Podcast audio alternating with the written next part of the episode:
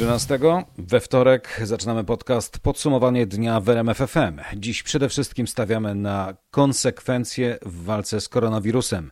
Przypomnę, jak bardzo konsekwentni w tej walce są politycy i główny inspektor sanitarny, który w lutym właśnie politykom, którzy posługują się straszeniem koronawirusem, zalecał włożenie lodu do majtek. To cytat z Jarosława Pinkasa, który do dziś do niego wraca, a odpowiadając zapewnia, że zdecydowanie powtórzyłby swoje słowa. No więc trzymając się faktów, trzymając za słowa, zaczynamy. Zaczynamy od koronawirusa.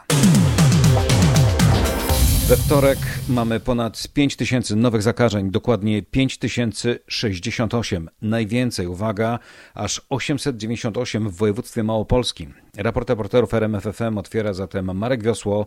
Marku, gdzie w Małopolsce jest najgorzej? Najgorzej sytuacja wygląda w Krakowie. Tam też jest najwięcej ognisk koronawirusa, między innymi w akademikach kilku uczelni. Kończą się także miejsca w szpitalach, a najgorzej wygląda sytuacja w małych placówkach powiatowych, między innymi w Limanowej, Zakopanem czy Nowym Sączu.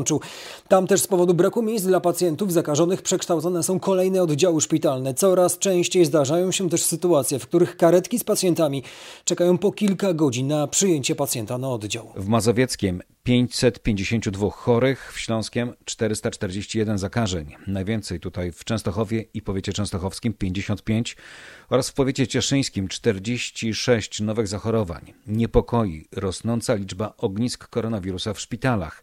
I właśnie o nich teraz Anna Kropaczek. W szpitalu w Pszczynie testy potwierdziły koronawirusa u 25 osób. To zarówno pacjenci, jak i personel medyczny. 26 zakażeń odnotowano w szpitalu w Myszkowie. Dodatnie wyniki ma głównie kadra placówki. Śląski Urząd Wojewódzki poinformował dziś także o wykryciu wirusa w kilku szkołach w Rybniku i w Rudzie Śląskiej oraz w domach opieki. W DPS-ie w Dzięgielowie w powiecie cieszyńskim zakażenie potwierdzono u 12 pensjonariuszy i 7 opiekunów. W Kamesznicy w powiecie żywieckim w ośrodku prowadzonym przez siostry zakonne zachorowało również 12 mieszkańców oraz 5 pracowników. A propos szpitali, 394 kolejne respiratory ma wydać szpitalom powiatowym w całej Polsce Agencja Rezerw Materiałowych.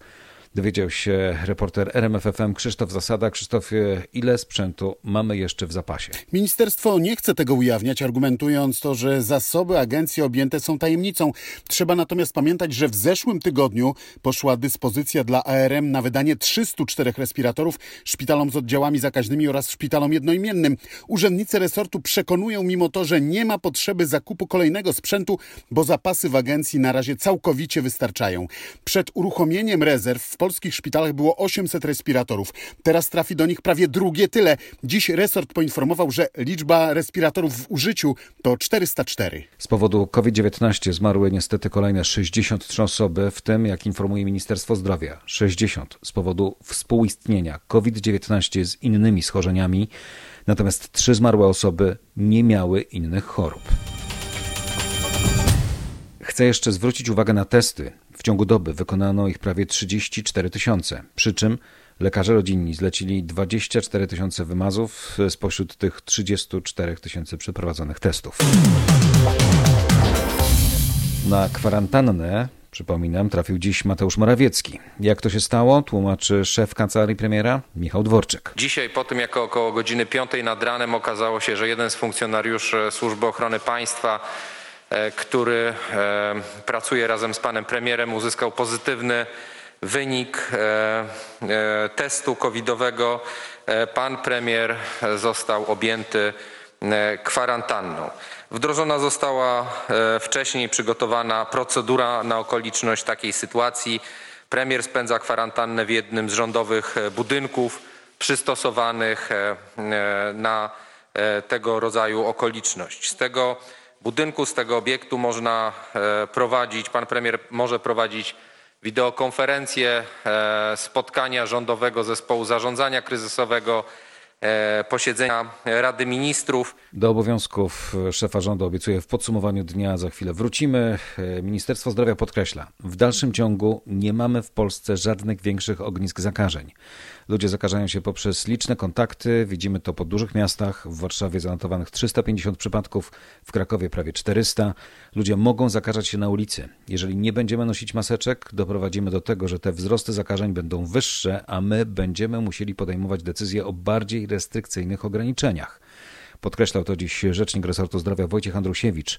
Przypominam, od jutra wchodzą w życie kolejne regulacje. Jakie dokładnie i co jeszcze planuje rządowy zespół kryzysowy? Oto wicepremiera Piotra Glińskiego pytał dziś w RMFFM Robert Mazurek. Jakie to obostrzenia będą od czwartku? Znaczy, y, będą regulacje na przykład dotyczące tych godzin dla seniorów w sklepach. Mhm. Chodzi o godziny.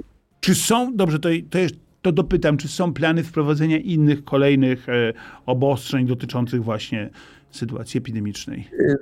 Wraz, wraz z rozwojem epidemii będziemy informowali. Proszę Państwa, no są zarzuty do tego, że jesteśmy niekonsekwentni. No, zjawisko, które jest nieznane i cały świat uderzyło, się zmienia i dlatego musimy y, wraz z tymi zmianami podejmować odpowiednie decyzje. Ja bym apelował przede wszystkim o odpowiedzialność i spokój. Naprawdę państwo polskie działa.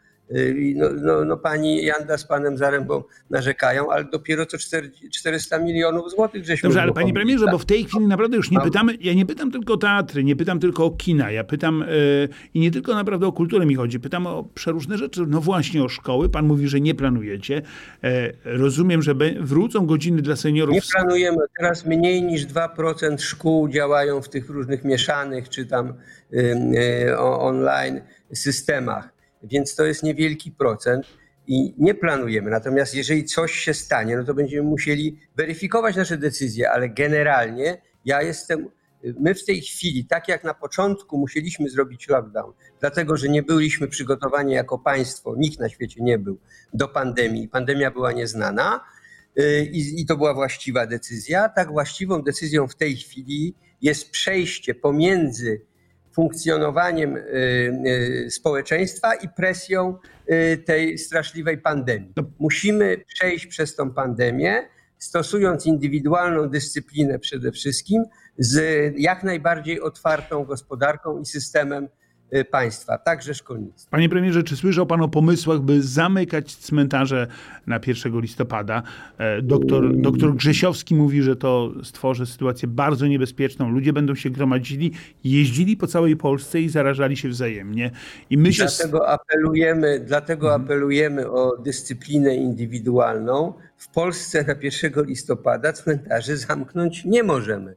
Natomiast Y, apelujemy także do samorządów o większą ilość transportu zbiorowego. Zresztą ja 1 y, listopada bardzo często jeździłem właśnie na cmentarze transportem zbiorowym i nie przypominam sobie tam wielkich, wielkich kolejek, ponieważ y, no, bardzo dobrze Y, lokalni gospodarze to rozwiązywali. Te, jak pan pamięta, może te autobusy po prostu jeden za drugim jeździły, więc można to rozwiązać, bo to głównym zagrożeniem jest transport publiczny, prawda? Bo już na tym cmentarzu, nawet jak jest tam jakieś zagęszczenie, no to możemy w tych maseczkach się rozejść po, powie, po, po przestrzeni y, naturalnej, po świeżym powietrzu. Natomiast transport publiczny jest tutaj podstawowym zagrożeniem. Tak jak y, ten taki już anegdotyczny Y, analogiczna kwestia z zamknięciem lasów nie polegała na tym, że myśmy wtedy nie chcieli wpuszczać ludzi do lasów, tylko nie chcieliśmy, żeby ludzie w transporcie się gromadzili, bo wszystko było zamknięte, a lasy otwarte, no to wszyscy polecą na te lasy. I tam na tych parkingach i na dojazdach do lasów będą się zarażali. O to chodziło, nie o same chodzenie po lasach. I podobnie teraz no, musimy apelować natomiast do naszej odpowiedzialności, bo zamknąć cmentarzy na 1 listopada no nie możemy, to jest oczywiste. Prosimy także starsze osoby, żeby jednak pozostały w domu.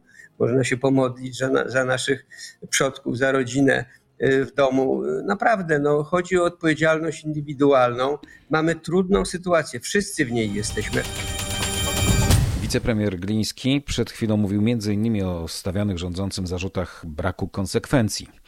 Gdzieś chyba jednak zadra pod paznokciem siedzi, skoro to nie była jedyna dziś wypowiedź w tej sprawie. Rzecznik rządu Piotr Miller po południu zarzucał opozycji, że ta przypominała dziś premierowi słowa z lipca o tym, że koronawirus jest w odwrocie. Po raz kolejny pojawiały się informacje dotyczące wypowiedzi pana premiera z lata, z lata tego roku, gdy mieliśmy, e, e, mieliśmy określoną liczbę zachorowań. Może przypomnijmy to, ten moment, bo teraz e, jest stwierdzenie, że w sytuacji, gdy pan premier wypowiadał swoje słowa, mieliśmy do czynienia z jakimś wzrostem zachorowań. Nie, wtedy liczby wyraźnie pokazywały, że faktycznie liczba zachorowań w Polsce maleje, więc w tym czasie, co teraz mamy do czynienia niestety ze wzrostem na całym świecie. Podejmujemy odpowiednie działania, aby ograniczać ten wzrost. Na szczęście jeszcze sytuacja w Polsce jest lepsza, ale to oczywiście nas w żaden sposób nie uspokaja, ponieważ musimy podejmować działania, aby tak pozostało. Bardzo proszę kolejne pytanie. To ja tylko trzymając polityków za słowo, przypomnę e, drugi dzień lipca. Premier w Tomaszowie Lubelskim, mocno wspierając kampanię prezydenta Andrzeja Dudy, co zresztą sam zaznaczał, gdy tłum zwolenników krzyczał Mateusz, Mateusz. Nie Mateusz, tylko Andrzej Duda.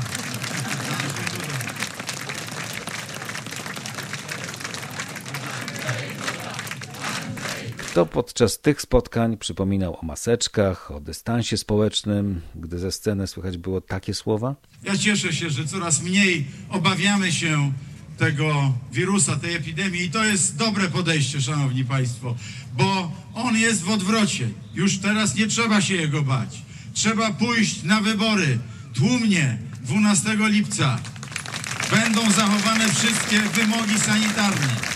Bardzo adekwatne. Nic się nie stało teraz, nic się nie stanie 12 lipca. Wszyscy, zwłaszcza seniorzy, nie obawiajmy się, idźmy na wybory. Tego 2 lipca mieliśmy 371 zachorowań. 12, jak mówił premier, poszliśmy, zagłosowaliśmy, wygrał Andrzej Duda, co prawda dopiero w drugiej turze przy ponad 65% frekwencji. Co właśnie nowy, stary prezydent mówił o koronawirusie 25 września w Watykanie, gdy po raz pierwszy tu w kraju biliśmy rekordowe półtora tysiąca zakażeń. Rekord zakażeń, 1500 zakażeń w Polsce.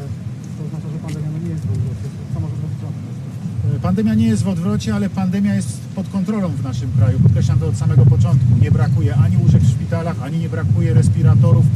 Jest odpowiedni zapas na to przygotowany. Natomiast nie ma co się, nie ma co okryć, proszę Państwa. Ja rozmawiałem z głównym inspektorem sanitarnym, jestem z nim w stałym kontakcie. Jakiś czas temu mówił mi, że właśnie w tym okresie, koniec września, druga jego połowa i do połowy października, spodziewają się wzrostu liczby zakażeń ze względu na powrót z wakacji, ze względu na to, że ludzie się spotykają w związku z tym teraz częściej, że wrócili do pracy, że ruszył rok szkolny, a więc ruszyła nauka w szkołach. To były procesy, które, które były nieuchronne, dlatego że faktem jest, że pandemia koronawirusa jest, ale mówiłem o tym także w czasie moich dzisiejszych rozmów tutaj w Watykanie, że nam udało się stosunkowo bardzo nad tą pandemią zapanować. Nie było ani jednej sytuacji rzeczywiście jakiegoś dużego kryzysu. Nigdy w Polsce nie brakło łóżek w szpitalach, nikomu nigdy nie brakło respiratora, a generalnie ludzie przechodzą tego koronawirusa stosunkowo łagodnie, więc trzeba bardzo uważać, zwłaszcza osoby w podeszłym wieku, które mają te tak zwane choroby współistniejące. Trzeba o takie osoby bardzo dbać, trzeba te osoby wspierać. Natomiast no, no jest wzrost zachorowań, ale powtarzam jeszcze raz, cały czas panujemy nad, nad, nad tą pandemią. Nie ma dzisiaj żadnego zagrożenia jakimś wybuchem. Jest po prostu wzrost, który był przewidywany i prawdopodobnie możemy się spodziewać, że do połowy października mogą być jeszcze wzrosty. Tak mnie informowano. Spodziewamy się od połowy października wypłaszczenia. Dziękuję bardzo. Dziękuję bardzo.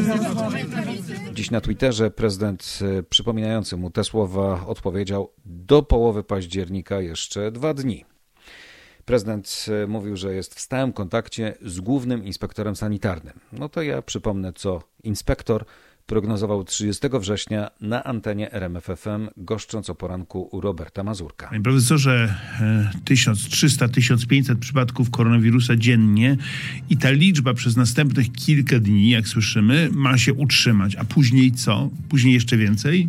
przez najbliższych kilkanaście dni. Myślimy, że do 15 rzeczywiście będziemy mieli, do 15 października będziemy mieli podobną liczbę, liczbę pacjentów zakażonych. Natomiast później spodziewamy się subtelnego spadku, ale subtelnego. I później będziemy mieli znowu niewielki wzrost gdzieś w okolicach e, świąt Bożego Narodzenia. Ale to z, Mamy z czego to wynika, panie profesorze? Z czego na przykład... To wynika z migracji, to wynika z naszych zachowań, e, to wynika chociażby z tego, że przed świętami będziemy robić zakupy. E, to wynika także z tego, że mamy sporą liczbę danych i obserwujemy zachowania Polaków. Mamy instytucje prognozujące i one są w stanie e, w miarę rzetelną prognozę nam przedstawić. Taką z całkiem dobrą sprawdzalnością. My korzystamy od dłuższego czasu z, z tych informacji i one są, mają sprawdzalność na poziomie około 90%. Także teraz spodziewamy się, że do 15 października będziemy mieli e, wzrost lub też dość podobną liczbę e, zakażeń do, do te, tych, które pojawiają się. W tamtej chwili to było 1300 zakażeń. 13 października mamy ich ponad 5000. No to jeszcze przypomnę słowa tego samego głównego inspektora sanitarnego z 30 stycznia w RMF FM, ten sam Jarosław Pinkas, tyle że u Marcina Zaborskiego. Na dzień dzisiejszy nie mamy koronawirusa w Polsce. Ale nie ma szans na to, że będziemy zieloną wyspą i ten wirus do Polski nie dotrze. No, szanse są małe, że będziemy zieloną wyspą, aczkolwiek Polska jest szczęśliwym krajem i mam nadzieję, że będziemy krajem wolnym od koronawirusa. No, pan minister Szumowski raczej nie ma takiej nadziei, bo mówi wprost, to się po prostu stać musi. Ja jestem większym optymistą. No, i sięga pan do gazet jako optymista, a tam takie tytuły. Chiński wirus uderza w Polskę. Tak zabija chińska zaraza. Tak zaraza atakuje świat. Polacy uwięzieni w mieście śmierci. To tylko jeden z kolorowych y, tytułów codziennych. Czy pozwoli pan, że nie będę komentował? Widzę, że pan się uśmiecha. No śmieję się oczywiście, że tak. Y, Ten wirus jest w tej chwili w Chinach. Mamy całkiem daleko do Chin. Ale nie tylko w Chinach, bo jest też w innych No krajach. jest tak, jest, ale wiemy jak, jak ten wirus się zachowuje. Mamy kilka przypadków w Europie, jeden w Finlandii, e, przypadki we Francji i w Niemczech. Mamy wiedzę, jak pacjenci są leczeni, że zdrowieją, że nie ma w, wśród europejskich pacjentów zagrożenia co do ich stanu zdrowia i życia, czyli oni po prostu przejdą ten wirus, tak jak pewnie jakąś infekcję e, zapalną górnych dróg oddechowych, być może z jakimś powikłaniem, być może nie. W Europie, tak jak i w Polsce, jest dobrze zorganizowana opieka zdrowotna. Na tego wirusa nie ma specyficznego lekarstwa, nie ma też szczepionki. No to akurat nie leczymy, brzmi, dobrze. leczymy objawowo, leczymy tak jak każde inne zapalenie płuc, na przykład zapalenie płuc spowodowane grypą. Znacznie większym problemem dla, dla nas jest e, coroczna epidemia grypowa, która dotyka dotyka Polskę. W Czyli zeszłym roku wirus 106 grypy jest groźniejszy niż no ja, się, ja się w tej chwili bardziej boję wirusa grypy niż koronawirusa, ponieważ on jest obecny w, w Polsce. E, W zeszłym roku zmarło z powodu e, powikłań pogrypowych 160 osób. Do dziś 3101 zgonów osób z COVID-em. Coś w tych prognozach chyba jednak zawodzi. Pytanie, czy i kiedy wreszcie wyciągniemy z tego konsekwencje. Wracamy do obowiązków premiera. Mimo kwarantanny Mateusz Morawiecki zdalnie spotkał się z prezydentami największych polskich miast. Przedstawiciele Unii Metropolii chcieli rozmawiać o sytuacji epidemiologicznej i o planach rządu dotyczących właśnie ograniczenia epidemii w dużych aglomeracjach. Czego domagali się samorządowcy? O tym Mariusz Piekarski. Przede wszystkim jasnych decyzji dotyczących szkół, bo to po brakujących łóżkach w szpitalach robi się główny problem. W Warszawie już 12% nauczycieli jest na zwolnieniu lekarskim. Nie wszyscy z powodu koronawirusa, ale już ponad co dziesiąty nauczyciel nie może prowadzić zajęć. Tylko dziś w podstawówce w Ursusie zakażenie potwierdzono u dziewięciu nauczycieli. To powoli paraliżuje stołeczne szkoły. Do tego dyrektorów szkół krępują przepisy, gdy dochodzi do zakażenia. Dyrektorka jednego z liceów w Śródmieściu dwa dni nie mogła uzyskać decyzji sanepidu. W końcu sama zamknęła szkołę, zdecydowała o nauczaniu zdalnym, a pismo z sanepidu przyszło dopiero w niedzielę.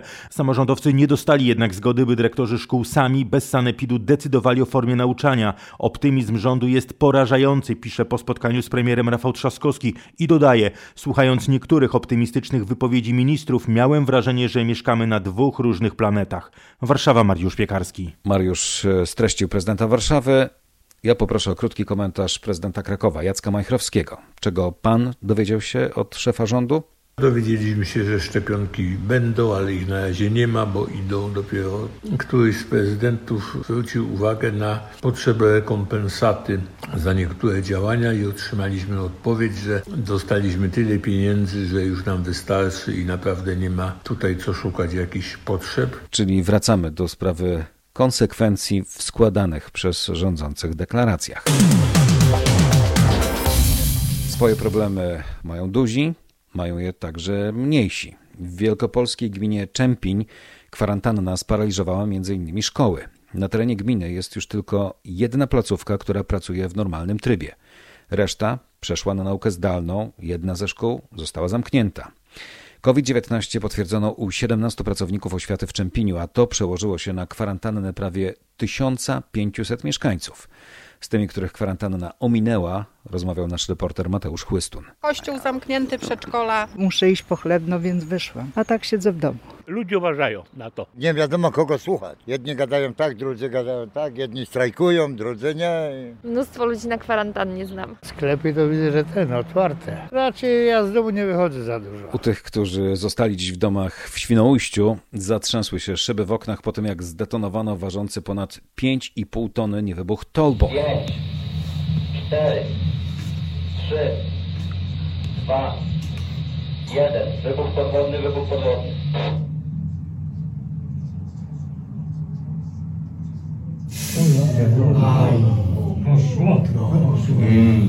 Ale to sukces.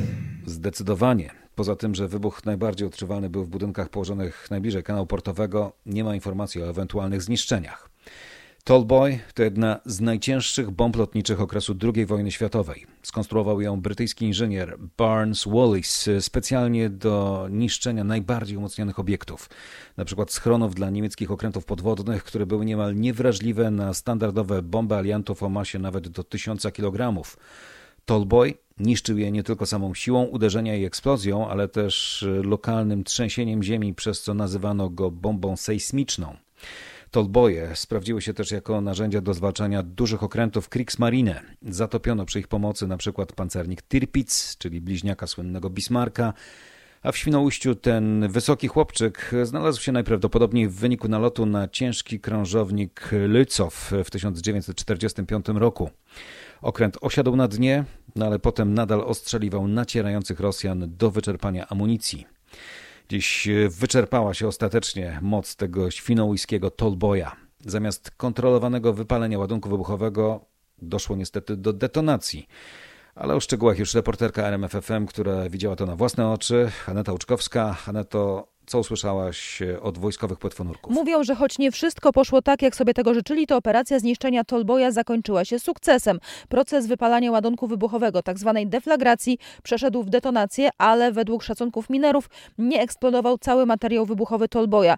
Jego część zdążyła się wcześniej wypalić. Świadczyć ma o tym brak odłamków ponad lustrem wody, a także to, że w budynku położonym zaledwie 100 metrów od miejsca zalegania niewybuchu ocalały wszystkie szyby. Nurkowie nadal badają krater, jaki powstał na dnie kanału Piastowskiego. Jutro będą sprzątać odłamki bomby z dna, ale samo miasto wraca do normalności. Jutro nie będzie już ewakuacji mieszkańców, normalnie będą pływać też promy. Pierwsze ujęcia momentu eksplozji zobaczcie na filmie i zdjęciach na rmf24.pl. Szapoba dla nurków minerów z 12 Dywizjonu Trałowców, bo nikt nigdy na świecie nie zneutralizował tak wielkiego ładunku pod wodą taką metodą, jaką zrobili to polscy nurkowie minerzy.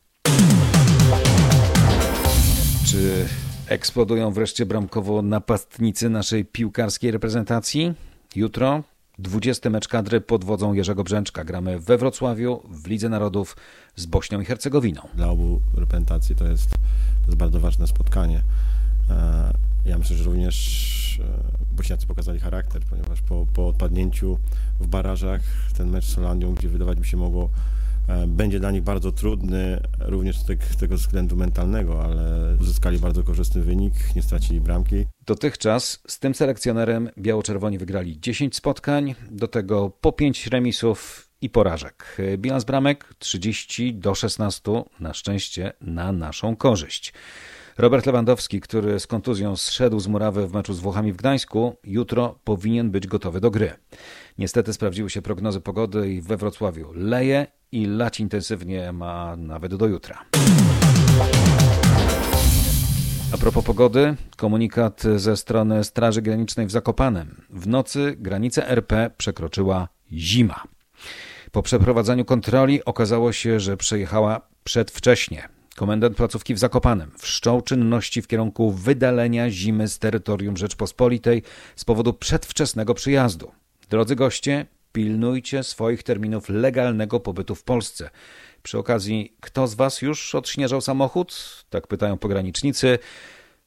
Ja jeszcze nie odśnieżałem, ale ratownicy Topru ogłosili po raz pierwszy w nowym sezonie, no właśnie pytanie, czy zimowym, Pierwszy stopień zagrożenia lawinowego w Tatrach. Uprzedzam, tam spadło już kilkadziesiąt centymetrów ciężkiego, mokrego śniegu wraz z prognozowanym wzrostem temperatury może zsuwać się ze stromych zboczy, zatem ostrzegamy, trzymajmy się zdrowo. To było podsumowanie wtorku w RMF FM. Tomasz Staniszewski, dziękuję za uwagę i do usłyszenia.